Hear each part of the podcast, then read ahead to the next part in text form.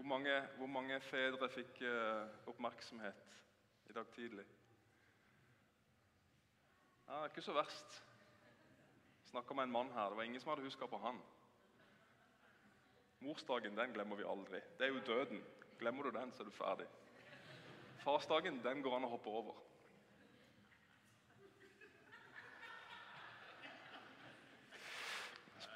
Nei, det går ikke, det. Det var en far som døde i natt. Nils Johan Kyvik, en god venn. Så Det var veldig trist å høre.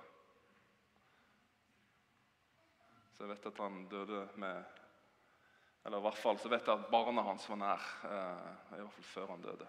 Jeg er usikker på hvor den var i natt. Men la oss huske på den familien i dag. Um, vi snakker dette året, kanskje lenger, så snakker vi på gudstjenesten, i smågruppene spesielt, så snakker vi om det at vi, at hvordan Jesus sender sine disipler til verden. Slik Faderen har sendt meg, slik sender jeg dere. Eh, og alt det betyr for våre liv, for vi som ønsker å være en Jesu disippel, vi som ser oss som sendt. Hvordan, hvordan, bli, hvordan ser det ut i våre liv? Og så snakker vi I det siste nå så vi snakket om hindringer. Hva er det som står i veien for at jeg kan se meg sjøl som sendt til denne verden?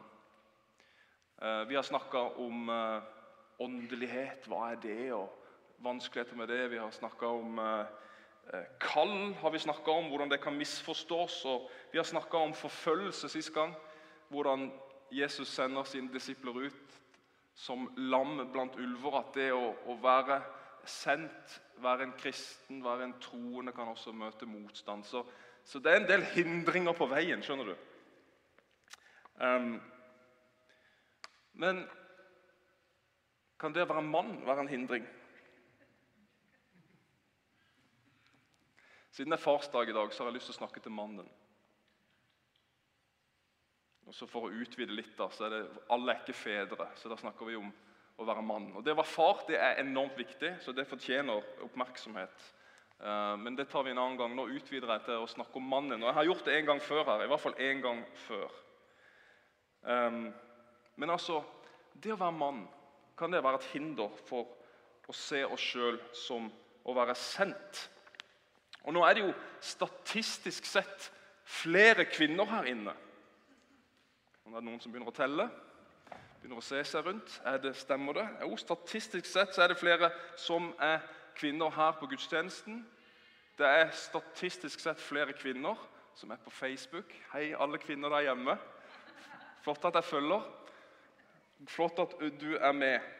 Vil du som kvinne få noe ut av dette i dag? Du tenker kanskje at jeg bommer da, ikke sant? når jeg skal snakke om det å være mann når du er kvinne. Eh, men eh, ja, det tror jeg faktisk. For når jeg bringer opp dette temaet, så er kvinner generelt sett veldig engasjert.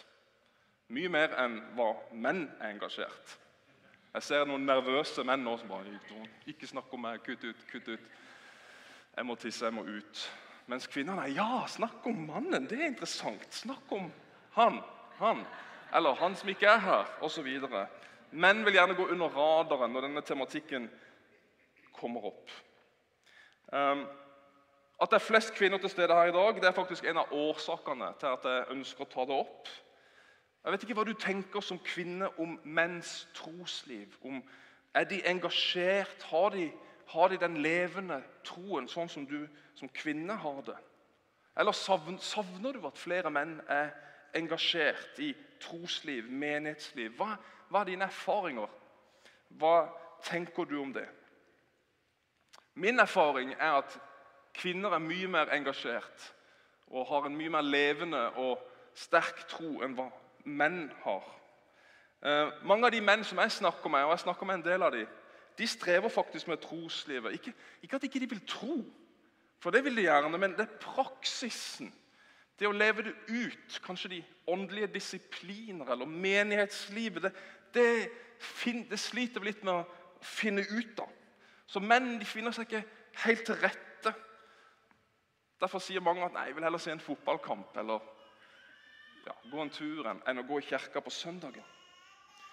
Og faktisk så er min erfaring at uh, mange menn kommer til kirka fordi kona vil det, og fordi han ønsker at ungene skal ta del i det. Men han gjør det ikke nødvendigvis for seg sjøl. Tenk litt på den. Men det blir faktisk enda verre. For Jeg har spurt mange menn om hvem av du og din kone måte, er den, den som takler kristenlivet best. Altså den beste kristne, eller hvordan man skal si det. Um, og Da sier de nesten uten unntak nei, det er kona mi. Kona mi er en mye bedre kristen enn hva jeg er. Så det er ganske alvorlig. Menn kan ha tro på Gud, men de har mindre tro på seg sjøl som en disippel.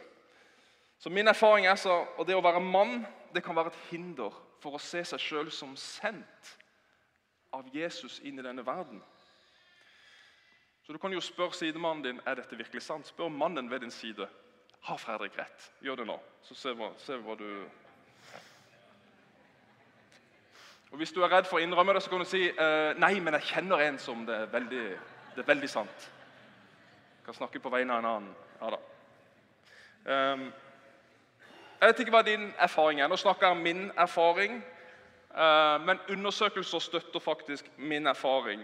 Menn er generelt sett mye mindre religiøse enn kvinner. Ifølge Barna Group, som er en ganske stor uh, ja, evangelisk kristent meningsmålingsfirma. Eh, de sier dette. det er jo sjokkerende. Eh, altså 100% mer sannsynlig for at kvinner er involvert i disippelskap. 56% mer sannsynlig at de er i en lederposisjon. Ikke pastor. Det, det, liksom, det vil menn. Og, ja, that's another story. Um, 54% mer sannsynlig at hun er med i en smågruppe. 33% mer sannsynlig at kvinner er frivillige medarbeidere i menigheten og så videre og så videre. Det er jo Herlig fred. Dette er jo amerikanske tall, men, men, mest sannsynlig så er dette ganske likt i Norge. Uh, og Hvis du leser eh, denne boka, som da er forskning på religion i Norge, så vil deler av det bekreftes. Nå er den forskninga stort sett på Den norske kirke, som er veldig annerledes fra det frikirkelige. så det bør forskes mer på frikirkeligheten, Men man må tro at de amerikanske tallene stemmer ganske godt overens med den, vår virkelighet. Uansett disse tallene eh, mer eller mindre bekrefter vår erfaring. Så Derfor så tenker jeg på begynnelsen av denne farsdagen så må vi hedre kvinnene. Det er kjempeviktig. Virkelig hedre kvinnene. Dere er ryggraden i menighetslivet. Tusen takk for den jobben dere gjør. Uten dere kvinner så ville vi vært håpløse. Ja, gi dem en applaus. Det var jo Ja. Eller, eller enda bedre enn en applaus. Vi må si det som The man himself.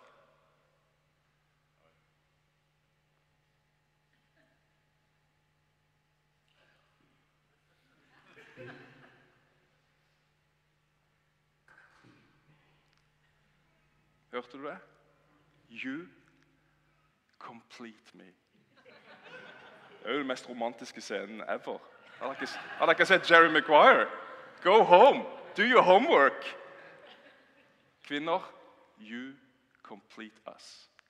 Fantastisk. Takk for at dere er ryggraden i menighetslivet. Ikke bare tar dere det best av barna og hjemme, mens vi ofte sitter i våre egne tanker. Her, hva sa du? Ja, ok. Um, dere sørger også for at menigheten ruller og går og står sterk. Dere brenner med engasjement året rundt. Tusen takk til kvinner. På onsdag så hadde vi um, temakveld her inne i foajeen om helbredelse. Et enormt viktig tema. Tenk at Gud helbreder i dag. Uh, en mann og en kvinne underviste om dette temaet. Uh, jeg fulgte nøye med. Hvor mange kvinner var der? Over 70 uh, Ganske normalt, egentlig, når vi har samlinger i kirka at kvinnene stiller, mennene henger litt etter. Ja. Um, men hvorfor menn er mindre religiøse enn kvinner, det er ganske debattert og usikkert. Er det sosial påvirkning? Er det biologiske faktorer? Ingen vet helt sikkert. Men, men forskjeller er det jo. Og de kommer til uttrykk på ulike områder. Um, da Gillette Gillette, the best a man can get Husker dere den? Ja, da Gillette lanserte sin femblads barberhøvel Du ser at jeg har ikke brukt det på en stund. Uh, Femblads barberhøvel. Jeg, jeg mener det var rundt 2000. Når de lanserte den reklamen der, så la de vekt på at det er forskjell på mann og kvinne. Uh, mennenes høvel, Proglide. Proglide ble framstilt som et våpen. Ikke sant? Var, enten var det sånn Star Wars, eller så var det 007. Ikke sant? Det, um, Bring out the 007 in you. Alle menn løpte til butikkene. Okay? Kvinnens høvel den het Venus, eller noe sånt. Den var, den var ikke som et våpen, den var rund i formen. Den var myk. Silkemyk. Det var pastellfarger. Det var ja, silkemyk barbering, fargene osv. Slogan Reveal the goddess in you. Hmm. Jeg turde ikke ta med bilder. Jeg kikka gjennom de der reklamene. Jeg, jeg begynte Jeg begynte på et bilde og tenkte ok, dette tar vi. Så måtte jeg sledde, liksom. Så tenkte jeg vet du hva, jeg kommer til å få så kjeft etterpå. Så det var ikke, vi kunne ikke vise det i kirka. Men det var en veldig flott reklame. Reveal the goddess in you. Altså én høvel for mannen og én for eh, kvinnen. Sannheten er at eh, det barberbladet var helt likt på begge høvlene. Men Gillette ville selge, og derfor så ga de den ene høvelen et mannlig preg og den andre høvelen et kvinnelig preg. For Menn og kvinner de liker forskjellige ting. De tiltrekkes av forskjellige ting. Og Selv om noen av oss aldri føler oss helt sånn hjemme i de kategoriene, det er helt greit. Jeg snakker om det generelle bildet her nå. Så ikke føl deg på en måte støtt. Vi er, vi er forskjellige. Um, men ja, Noen har sikkert brukt konas høvel. Det er helt greit. Venus. Jeg har gjort det. Jeg innrømmer det. Uh, men så kan du tenke hva har dette med kirka å gjøre? Um, aha, Tybakken, du vil pøse inn med testosteron og maskulinitet i kirka. Det er det du vil?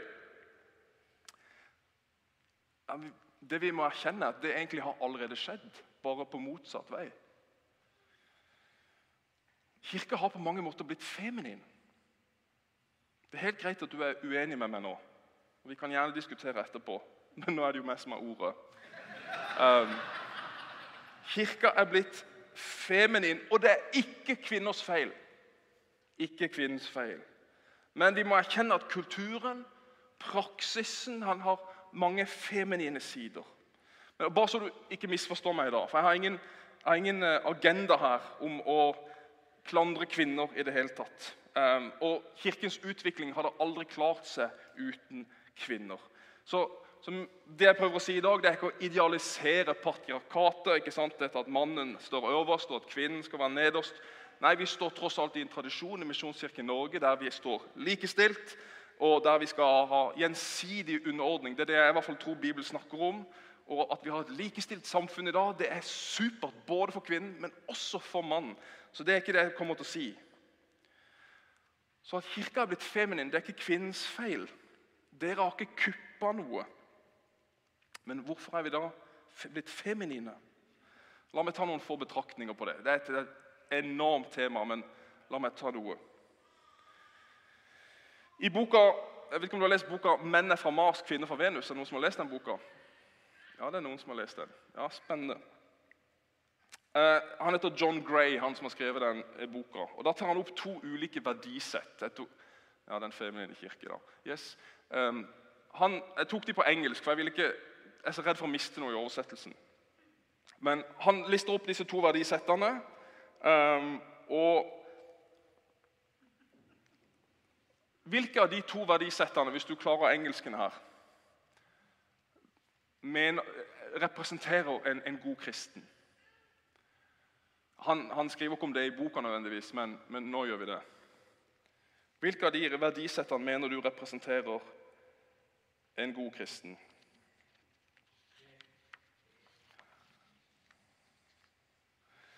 Ja Jeg tipper at de aller fleste vil si B selvsagt. Um, og John Gray, som da ikke er en kristen bok eller en forfatter, han sier at verdisett A er det som er mest naturlig, eller det som flest kvinner vil si er Eller nei, unnskyld. Det flest vil si er mannlige verdier, og verdisett B vil være det som flest sier er kvinnelige verdier. Så med andre ord så vil mange assosiasere Assosi Assosiere Assio Assosiere. Jeg er veldig trøtt i dag. Assosiere. Mange vil dermed assosiere kirka, eller Jesus, med kvinnelige, feminine verdier. Og Du kan mene hva du vil om disse verdiene, men det er ingen tvil om at opp gjennom historien så har Jesus vært synonymt med det omsorgsfulle, medfølende, det ydmyke. Jesus dømmer ingen, han, han deler bare ut klemmer. Sant? Jo, det er jo sånn det har vært. Og så er det jo sånn da at De fleste organisasjoner som, som styres etter, disse verdisettene, vil jo tiltrekke seg mennesker som liker det, og som har gaver og talenter i den retningen. Ergo Kirken tiltrekker seg flest kvinner. Ja, jeg syns det er mye klokt i akkurat det. Så er det jo selvfølgelig også mange av oss menn som vil si at verdisett B er, er, er viktig og riktig. Og kanskje ville mange velge det som sånn ah, Det er å være mann. Og det er helt greit. Det er helt greit, Men poenget er at generelt sett så vil kvinner trives best i et miljø med de verdiene. Og Derfor så blir menigheten feminin. Men er det sant at Jesus bare representerer verdisett B? Nei. Ok. Noen vil si at vi lever med to typer Jesus. Den klassiske og mest aksepterte det er den vi kjenner best, Jesus som, som Guds lam.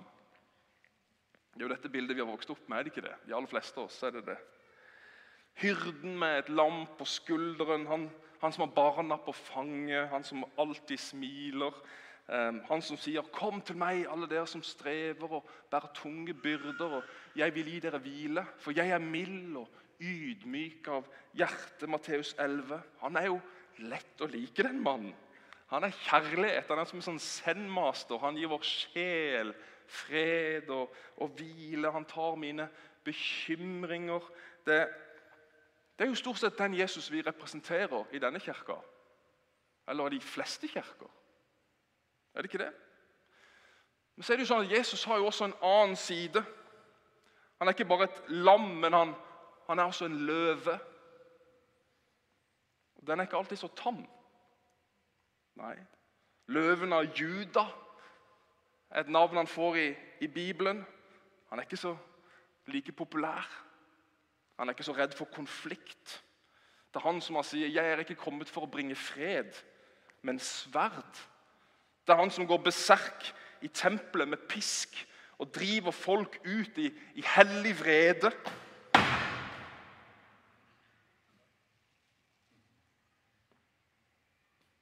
Det er den Jesus som irettesetter mennesker. Det er han som fornærmer de skriftlærde, som formaner de rike, som kaller hedninger for hunder. Det er han som snakker høyt om synd, om omvendelse. Det er han som snakker sant om helvetes realitet.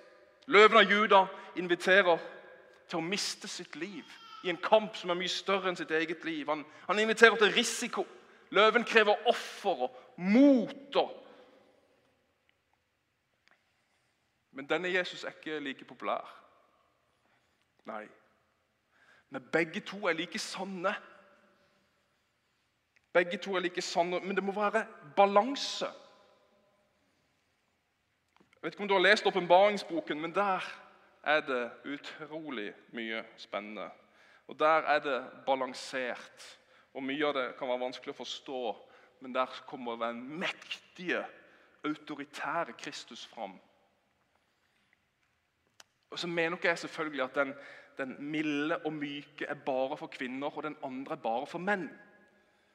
Vi kan like begge uavhengig av kjønn. Begge våre kjønn bærer jo på en måte feminitet og maskulinitet. Men at menn generelt sett finner mer engasjement i løven av Juda, er ikke en overdrivelse. Fordi den sida er mer maskulin. Er du med? En bare mild og myk Jesus kan ikke røre en mann på det dypeste alene. Han trenger noe mer. Han trenger Proglide Gillette. Eller ikke bare Venus, hvis du skjønner. Vi menn trenger også å møte ja, generalen. Han som rir først ut i krigen, i kampen mot det onde, urettferdighet. Vi menn vi trenger også han som, ja, han som maner til krig, eller, eller coachen, treneren som står på sida og dirigerer, og som heier og som, som hjelper. Vi menn trenger også den solide pappaen. Kanskje han litt sånn strenge som, som utfordrer. Og som lar oss få noen blåmerker her og der i lek og, og knall og fall, så vi skulle lære at hans råd alltid var best. Jo mer vi vektlegger halve Jesus, jo mer feminin blir kirke. Og hør meg rett jo mykere blir vår teologi. Mer om det en annen gang. Og Akkurat nå så er vi langt unna den maskuline sida. Løven av Juda.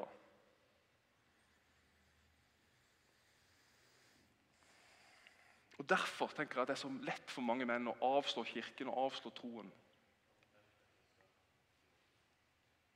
Sånn, noen sier at vi pleier alltid å ligge litt sånn på etterskudd av Sverige i kultur og samfunnsutvikling. og alt sånt. Det som skjer i Sverige nå, det kommer om noen år her. Og det pleier stort sett å være rett på ganske mye.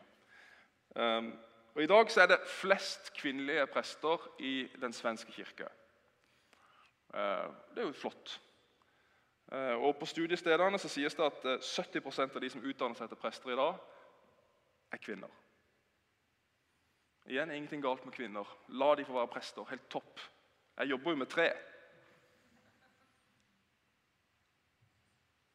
Men hvordan blir det hvis, ja, hvis, hvis det blir sånn at 70% av kirkene har kvinnelige prester? Hvordan blir det? Kommer menn til å bli engasjert? Det må være balanse. Det må være balanse. Og så mot slutten. Hva fører, hva fører en feminin kirke til? Hvilke konsekvenser kan det få for oss? Og Jeg mener at dette med åndelighet det er det mange menn som syns er vanskelig. For Hvis åndelighet knyttes til sånne myke verdier, til å sitte stille, til å synge, ja, til å sitte stille, lytte, vise omsorg, ikke minst være i god kontakt med følelser det som er så vanskelig for en mann, så, så, mister vi troen på at vi kan være gode kristne. Mange menn vil synes alle de tingene jeg nevnte, er, er litt vanskelig. Um, jeg hører stadig vekk fra menn nettopp det at jeg er ikke så veldig åndelig. Så er det jo viden kjent at menn, klassiske menn i hvert fall, sliter med å uttrykke følelser. Men det er klart i gudstjenestene våre så er det masse følelser. Kvinner elsker jo følelser generelt sett. Men menn syns kanskje det er vanskelig. Jo da, jeg kjenner jo menn som er trygge i sine følelser. Det er jo helt topp. Jeg elsker menn som gråter, jeg elsker menn som danser, og som sier de elsker Jesus, eller som kan synge 'Du er skjønn og herlig, Jesus'. Jeg kan synge med på den sangen sjøl. Men mange menn strever med det. Det er vanskelig. De blir utrygge når det er snakk om følelser, eller når de kommer inn i et rom hvor vi sitter tett i en sofa og vi tenner telys og det lukter frukt til, og vi skal be. Det, men virker så komfortabel. Og I media i dag så er det stort fokus på at menn må snakke mer om følelser. og Det er bra, det er klart det er viktig å få snakke om det. Det er klart at Vi har behov for det, men når trospraksisen, når, når Kirken legger opp til at du må være feminin, følelsesrik for å være kristen. Da blir vi fremmed. Og det er tragisk, fordi åndelighet er jo så mye mer enn å være myk. Bare se rundt deg i menighetene. da. Hvor er det menn trives best i tjeneste? Du har sikkert lagt merke til det. Teknikk. Vaktmestertjeneste. De spiller instrumenter. De er speiderledere. Der finner du menn. Så hvorfor er ikke det å være praktisk noe åndelig? Jo, det er klart det, det kan du tenke. Men ja, Er det virkelig det? Hvorfor er ikke åndelighet også praktisk? Jeg mener, Menn kan bygge en kirke med nevene sine. Men de føler seg ikke skikka for livet i kirka. Er ikke det absurd? Dessverre, i vår feminine kultur så er det ikke så like stort rom for den praktiske mann. Ja, i vår misjon, i vårt oppdrag som vi snakker om som menighet, som må, i måten vi lever ut vår tro og kirke på, så er det ikke lenger like stort behov for styrke, for arbeidsnever, for teknisk innsikt, for mot eller risikovillighet. I vårt oppdrag så klarer vi oss kanskje uten, eller? Jeg tror vi har vært for dårlige på å si det eller for å vise det. Kanskje pastoren må preke mer om det. For vi er for dårlige til å verdsette den praktiske åndeligheten.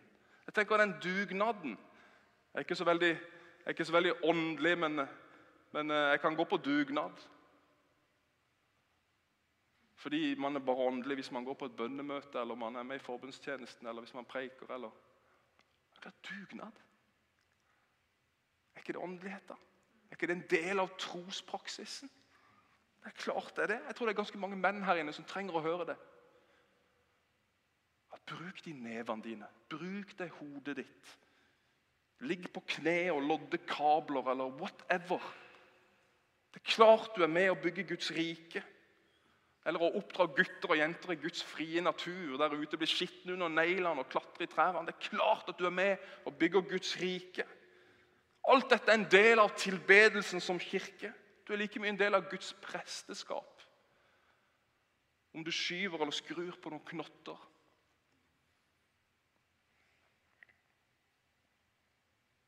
Trenger kirka mannfolk? Menn trenger utvilsomt Jesus. Huh. Mye mer enn damene, for å si det sånn.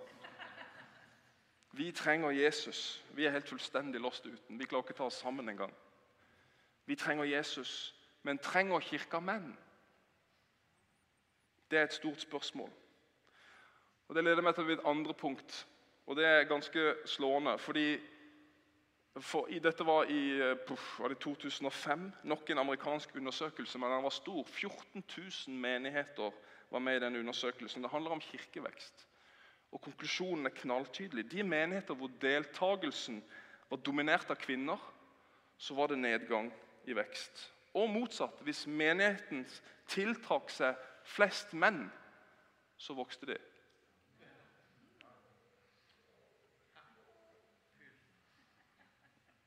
Du vet at Det er ikke tull, dette her. Dette er faktisk viktig tallenes klare tale. Og det er god grunn til å tro at det samme er her i Norge. Hvis du har lyst til å lese den undersøkelsen, så har jeg den. Så det betyr at Hvis vi vil bygge en sterk menighet her på Haugalandet, så må vi hjelpe hverandre til å finne veien til mannens hjerte. Og Da kan vi ikke bare fortsette sånn som vi gjør i dag. Det kan vi ikke. I strategiarbeidet til styret for de neste åtte årene eh, så har, så har jeg sammen med andre sagt at vi må bli en menighet som er attraktiv for menn. Og Jeg, vet, jeg har presentert det for dere nå et par ganger, og jeg vet at noen av dere tenker bare herlig fred, du er helt på bærtur. Men jeg håper du skjønner litt mer av alvoret nå. For du har fått deler av resonnementet. Spørsmålet er hvordan gjør vi det? Hvordan er vi et fellesskap og en menighet? og Hvordan lever vi ut denne sendelsen, sånn at flere menn tenker at dette vil jeg være med på?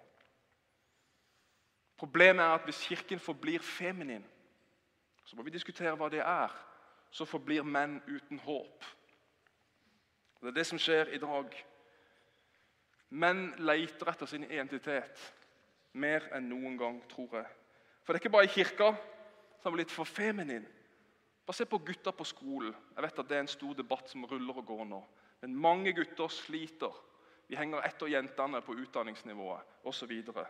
Er det fordi skolen er blitt for feminin anlagt? Sitte stille, lytte, skrive? Altså, ja, Dette kjenner du godt til. Begge kjønn strever psykisk som aldri før. Psykologtjenesten jobber på spreng. Jentene strømmer til, og de får hjelp. Men gutta sliter med å sitte på et kontor og snakke med en kvinnelig psykolog. om sine problemer. Og Dette er sånne mørketall som ikke kommer fram i all statistikken. Derfor så går gutta heller og gjør slutt på livet. Topper statistikken på selvmord. Media skriver stadig om menn som strever. Dokumentarer, Har du sett hvordan det florerer av dokumentarer? På Netflix og videre, Om menn som sliter av ensomhet, det er rus, det er selvmord, skoletapere, vold. Og Unge menn søker nå maskulinitet som aldri før. Det oppleves nesten som for min del som et sånt stille opprør. De søker forbilder. Og På TikTok så raser det masse av dette her. Og folk som er influensere, de er bodybuildere. De viser hvordan du skal trene. Jeg møter gutter 12-13-14-åringer på treningssenteret som står med pulver i flaska si for de skal bli shredded. eller De skal liksom få det, de skal, de skal finne sin maskulinitet. Det er helt sprøtt å se på. De ser på tiktokere som, som flasher med dollar og penger og hvordan bli fort rik uten å gjøre en dritt. Sant? For det er maskulint, det er tøft å være rik. og ja, Det er rus, og det er mange av forbildene er svært uheldige. Sånn som uh, han her, for eksempel, som er Hvorfor nevner du han? liksom? Han er bare en av mange. Nei, han, han, har over en milliard treff på sine videoer på TikTok. Andrew Tate. Han er en meget meget usunn kar. Men gutta elsker han. Fordi han er maskulin. Han er macho. Og representerer alt det de ønsker. Men det er veldig usunt. Det er veldig usunt. Og midt i denne stormen så står Jesus.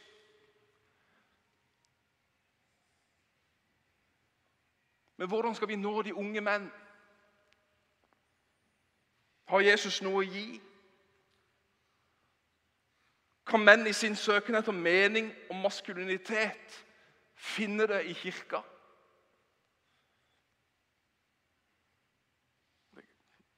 Klart de kan det.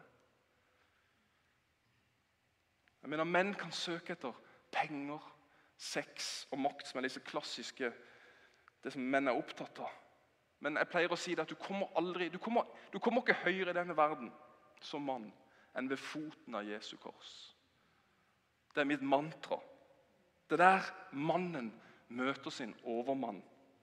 Han som har makt over himmel og jord. Her må alle menn bøye sine knær. Ingen er mer mann enn Jesus. Han er mer enn mild og myk av hjerte. Han er løven av Juda. Han er hærføreren. Det begynte jo med tolv menn som ville ofre livet sitt. Jeg er usikker hvis det var tolv kvinner, om de hadde gått med på det.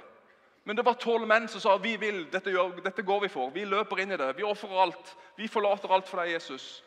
Vi risikerer våre liv. Elleve av tolv dør.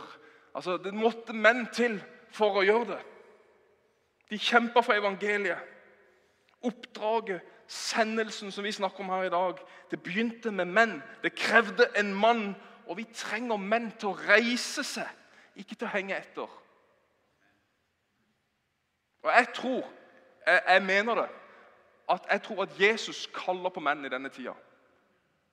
Som aldri før. Jesus kaller på at menn skal reise seg. Og vi trenger selvfølgelig kvinnens hjelp til dette her. Vi trenger dere. Men menn trenger kanskje en annen vei til Kristus enn hva dere kvinner trenger. Og Det må vi åpne og gi rom for. Vi må våge å tenke at vi er to kjønn som trenger kanskje ulik vei. Proglide og Venus. Det fins flere måter inn til Kristus enn bare den feminine. eller den. Vi må finne vår vei, og vi må våge å kunne skille på det. Men du som kvinne, du må be for mannen din. Du må be for mannen din, du må be for din bror, du må be for din far. Vi må be for de gutter som vokser opp i dag, og som ikke finner seg til rette i ungdomsmiljøene i kirka. De finner seg ikke til rette på, på gudstjenester eller på møter. De vil heller være ute og slåss og leke og you name it. Hvordan skal vi nå disse gutta? En kirke uten tente menn. For Guds rike vil være katastrofalt ikke bare for menigheten, men også for familier. For barn. For samfunnet. Ja, jeg tror, mannen, jeg tror Gud har gitt mannen et, et særlig ansvar. Jeg skal begynne å snakke om hvem som er over hverandre. Den, den taler vi har hatt før. Hvem er sjef i det hjemmet osv. Det er jo kvinnen. Men allikevel. Jeg tror at Gud har gitt menn et ansvar til å beskytte, til å forsvare, til å kjempe. Og Vi trenger mannens styrke og risikovillighet og konkurranselyst og kompetansen, alle disse verdiavsettende effektivitet og menns lidenskap. Se på Ukraina. For en tragedie det er, det som skjer der. Men i den tragedien så blir det så tydelig hvilken kraft og hvilket ansvar menn har.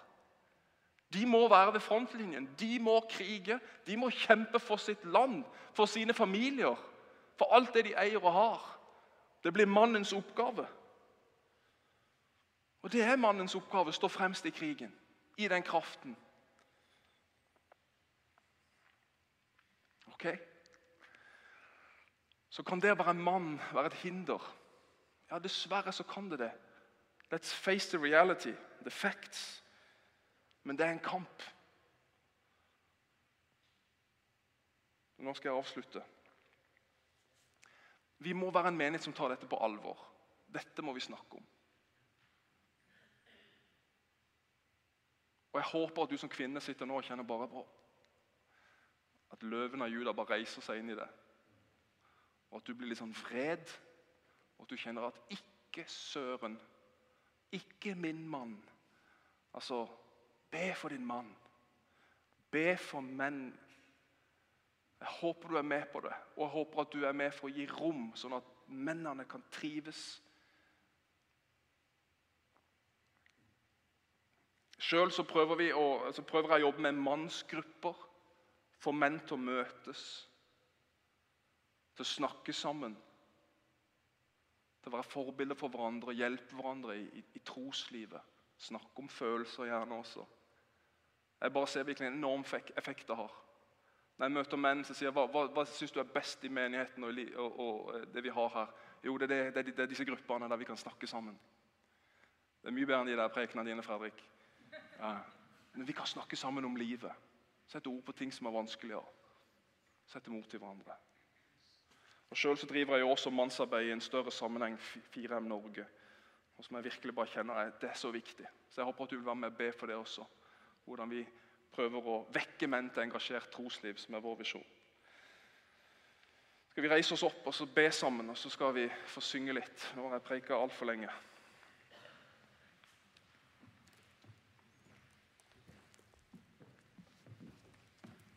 Så jeg tenker at Hvis det var noen kvinner som fikk et ord i dag Det hender jo at vi sitter i gudstjeneste, og så sier Gud noe til oss. Og Av og til er det rom for å dele det i en gudstjeneste. Og Kanskje spesielt hvis du er kvinne i dag og du tenkte ah, du fikk et ord fra Gud til menn. Så vil jeg gjerne høre det. Jeg tror vi, vi trenger å høre det. Vi trenger en oppmuntring. Fordi vi har lyst, men vi vet kanskje ikke helt hvordan. Herre, takk for uh,